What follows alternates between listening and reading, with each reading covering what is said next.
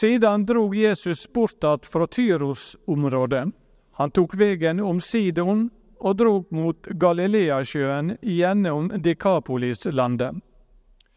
Der førte de, han, de til han en mann som var døv og hadde vondt for å tale, og de ba han legge hendene på ham. Jesus tok han med seg bort fra folket. Han stakk fingrene sine i øret hans, tok spytt og rørte ved tunga hans. Så så han opp mot himmelen, sukka og sa til han, Efata, det tyder lat deg opp. Med det samme vart øyra hans åpna, og banda som batt tunga hans vart løyste så han tala reint. Jesus forbaud dei og forbau dei å seie det til nokon, men de meir han forbaud dei, de meir gjorde dei det kjent.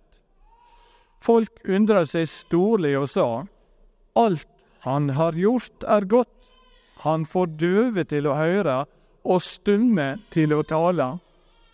Slik lyder det hellige evangeliet. Jeg måtte lese meg opp på um, antallet som er hørselshemma i Norge. Og det er én million. Det er ganske mye. Uh, av den millionen så er det 300 000-400 000 som er så mye plaga at det går ut over livskvaliteten. Og så fant jeg ut at ca. 5000 er helt døve. Er jeg på rett spor, eller? Ja, bra. Greit å ha en sånn sufflør helt bakerst. Jeg har jo hørt godt hele livet. Uh, merker jo at nå begynner det å bli litt sånn krevende. Særlig i sånn sammenhenger der det er mye støy og lyd. Eh, mor til Kari, når hun ble eldre, så mista hun mye av hørselen. Jeg husker jeg tenkte hvor, hvor dette påvirka så mange ting. Fordi at du blir på en måte mer og mer utafor jo mer av hørselen du mister. Når du er i selskap og alle prater, så blir du på en måte taus og stum. Og du føler deg isolert. Det å ikke høre Kanskje uten at jeg veit det, men dette med å være isolert og kjenne seg utafor, må jo være noe av det vanskeligste med det. Dagens tekst så har vi hørt om en mann som var døv og stum, og som får altså et møte med Jesus. Jesus han har vært i Tyra, Tyrus og Sidon. Og av og til så lurer vi jo på hvorfor, hvorfor tar disse evangelistene med disse navnene? Kunne ikke de bare sagt han vandra omkring, og så kom der en døv? De førte en døv til han. Når de beskriver område og navn, så er det ofte fordi de har en hensikt med det. Og hensikten her er jo at Jesus har vært utafor Israel altså i uh, Tyrus uh, eller i Sidon, som begge deler ligger i det som nå er Libanon, der jødene ikke bodde. Der såkalte hedninger bodde. Hedninger var jo et begrep ikke for noe umoral eller sånne ting, det var bare et begrep for de som ikke var jøder. Så her har Jesus vært eh, langt, en lang omvei, egentlig, og så er han på vei tilbake igjen til Galilea og går gjennom Dekapolis-landet. Hvorfor eh, er dette viktig? Det var bare to ganger Jesus var utafor Israels grense. Men det er tydelig at når han beveger seg utafor grensene, så er det fordi at evangelistene vil fortelle oss at det Jesus kom for å gjøre, gjelder ikke bare jødene. Det gjelder alle alle folkeslag. Slik som Paulus sa det, at evangeliet det er Guds kraft til frelse for jøder først, men også for grekere. Og det er jo liksom resten av verden. Og her, på denne omveien som nå han har vært på i Tyrus og Sidon, så helbreder han ei kanonittisk datter til ei kanonittisk kvinne, og på veien tilbake igjen så gir han dette underet en mann som er dobbelt utafor. Han er utafor fordi han ikke hører, men han er også utafor Israel. Han er utafor det jødiske folket.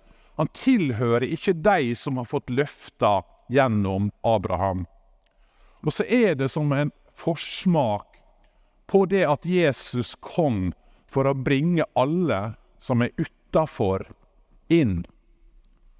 Det som er en forsmak på Jesu befaling om at vi som tror på Han, vi skal gå ut i hele verden, forkynne evangeliet om Han, bringe alle folkeslag inn i én familie sammen med Han. Så der er ei setning som slo meg når jeg leste dette her, denne teksten. Alt han har gjort, er godt. Vet ikke dere lagt merke til den, den setninga helt på slutten? Alt han har gjort, er godt. Det sier de om Jesus. Og Det var slik folk opplevde han. En som gikk rundt og gjorde godt. Ei fantastisk setning. Og kanskje en av de beste setningene vi har for å oppsummere Jesus sitt liv, det finner vi i apostelgjerningene når Peter skal tale. Og Der sier han at det begynte jo med Johannes og med dåpen, og så kom Jesus, at han salva, ble salva av Den hellige ande og kraft.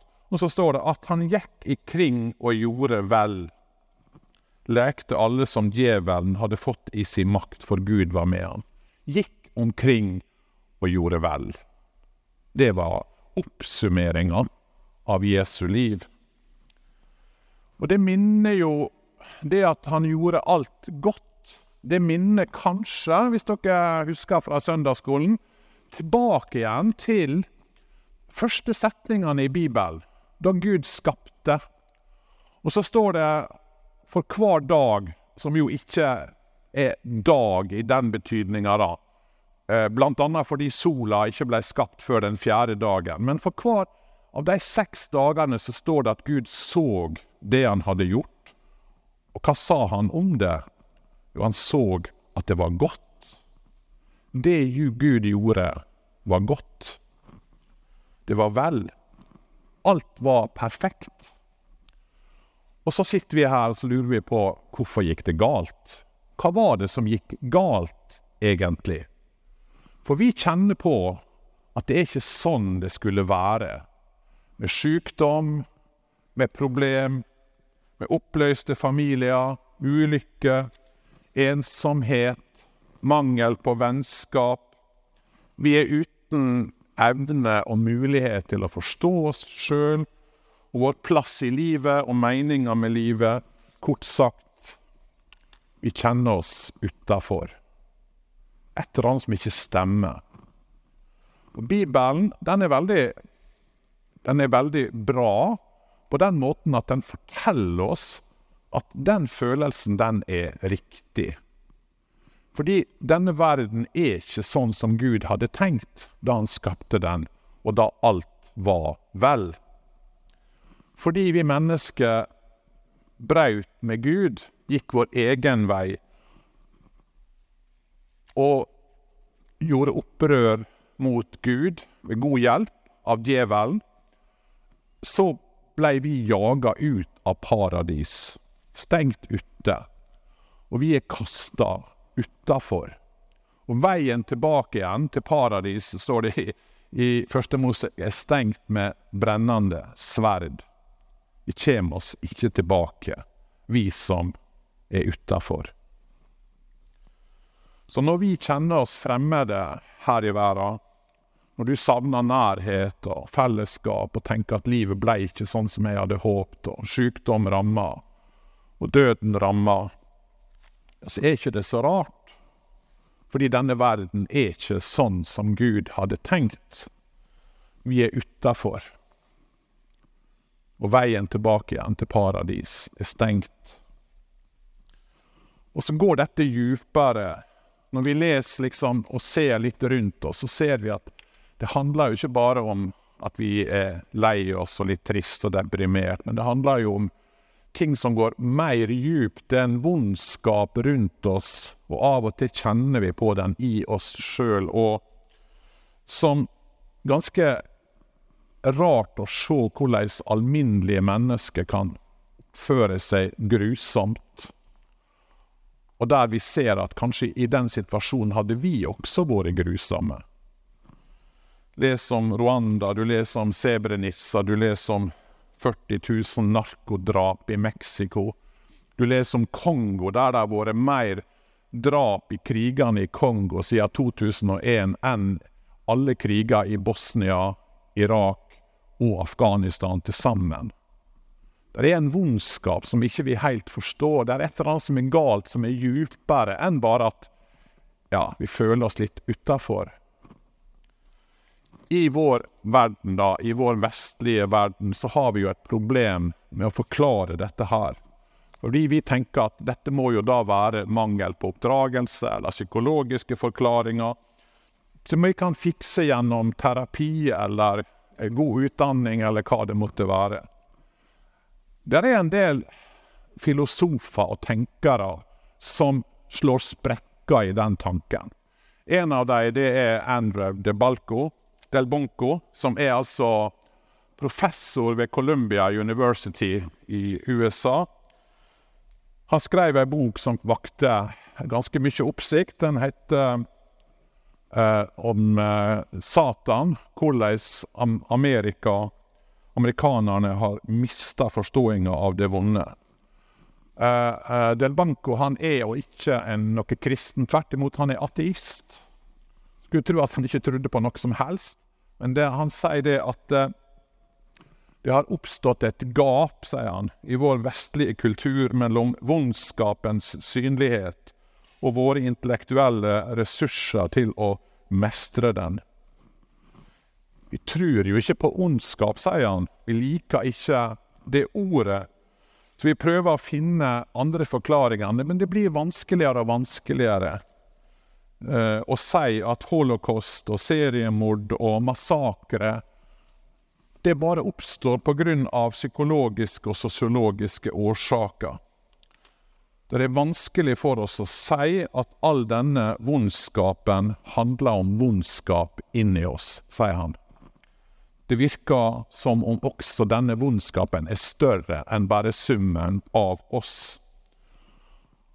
Og Denne boka vakte oppsikt fordi den traff noe som ganske mange kjenner på. Vi kan ikke forklare denne her veldige vondskapen som vi ser og opplever. Og så sier Bibelen ja, der er en vondskap.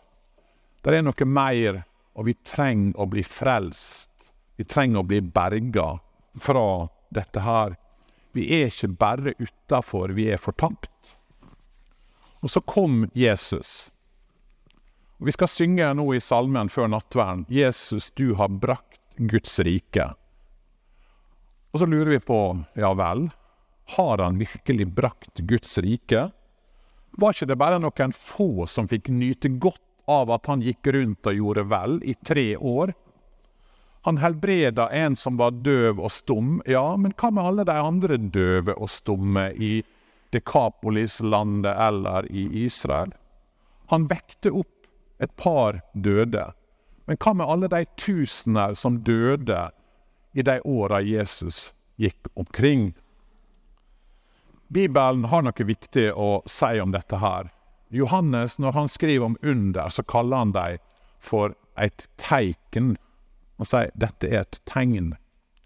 Det er noe som peker framover. Det er noe som peker utover seg sjøl. Det Jesus gjorde, forteller at Guds rike er kommet. Ja, men ikke fullt ut. Det er en slags tanke i den kristne trua at det Jesus kom med, det forandra alt. Men samtidig blei ikke alt forandra. Vi lever i ei spenning mellom at Guds rike er allerede kommet, men enda ikke kommet fullt ut, sånn som det en dag skal komme. Og så er altså undera, og det at Jesus lukker opp ørene og munnen til denne døve og stumme, er et tegn. Gud er i ferd med å ta tilbake igjen sin verden. Gud er i ferd med å gjenopprette den verden som han har skapt. Og så er undera et tegn på det. Undera er et tegn på at Gud gjør noe som peker framover mot den dagen da alle øyre og alle tunger skal høre og lovprise. Jeg vet ikke om du la merke til hva Torbjørn leste ifra Romerbrevet. Ja, nå tok jeg visst feil. Tok ikke det med. Men han leste noe om at det skapte lengta inderlig etter at Guds barn skal åpenbæres i herligdom, sier han. For det skapte ble lagt under forgjengeligdom. Det er som om Paulus sier alt sukker, alt stønner. Hele verden, ikke bare mennesker, men skaperverket, lengter etter den dagen da vi skal bli satt fri. Fullt ut sånn som Gud hadde tenkt. Da alt faktisk er godt. Når Jesus gjorde tegn og under, så er det tegn til alle nedbrutte alle som kjenner seg utafor. Alle som strever, alle som sliter. At en dag skal alt settes i rett stand. Tim Keller, som også Simen bruker å sitere av og til, han sier om Jesu mirakel Jesu mirakler er ikke bare en utfordring for vårt hjerne, men et løfte til hjertet om at den verden som vi alle ønsker oss, den kommer. Det er Jesu under. Det er peker framover og sier ja, Gud er i ferd med å gjenerobre, gjenskape, nyskape den verden som han har skapt. Guds rike er kommet nær, sa Jesus, og gikk til kamp mot djevelen, mot sykdom, mot vondskap, mot døden. Og en dag så skal altså alt bli skapt på nytt. Så en ny himmel og en ny jord, skriver Johannes i åpenbaringa. Alle ting nye, alt godt. Ikke sorg, ikke skrik, ikke smerte. Og så lever vi her, da, mellom disse to virkelighetene allerede er Guds rike kommet, og vi merker det. Vi ser hvordan Guds rike på en måte vokser fram, men samtidig så ser vi det ikke fullt ut. Vi lever mellom paradis og paradis. Og inn i denne virkeligheten kommer altså Jesus og så er altså hans under noe mer enn fine fortellinger. Noe mer enn at han bare syns synd på oss i vår skrepelighet. Det er en ny virkelighet som har kommet inn i verden. Guds rike er kommet nær, sier Jesus. Vend om og tru evangeliet. Tru på historia om at Gud er i ferd med å gjøre noe nytt at Gud har kommet for å gjøre alle ting vel. Ikke slik at vi da slipper lidelse og sykdom og ensomhet og problem. Nei, men han tar oss samtidig inn i denne nye virkeligheten, samtidig mens vi lever her. Så får vi høre til i en annen verden, i Guds rike. Og den dagen da alt blir synlig, alt blir bra, da skal vi lovprise Gud i all evighet, og så skal vi si Han har gjort alle ting godt. Takk, Jesus, for at du kom med Guds rike inn i vår verden. Og takk for at du en dag skal bringe dette riket fullt ut mens vi lever her imellom paradis og paradis. Hjelp oss til å leve i trua på deg, tillit til deg, og sette vårt håp til deg. Også når vi må gå gjennom sykdom og smerte og ting som er vanskelig. Det ber vi om i ditt navn. Amen.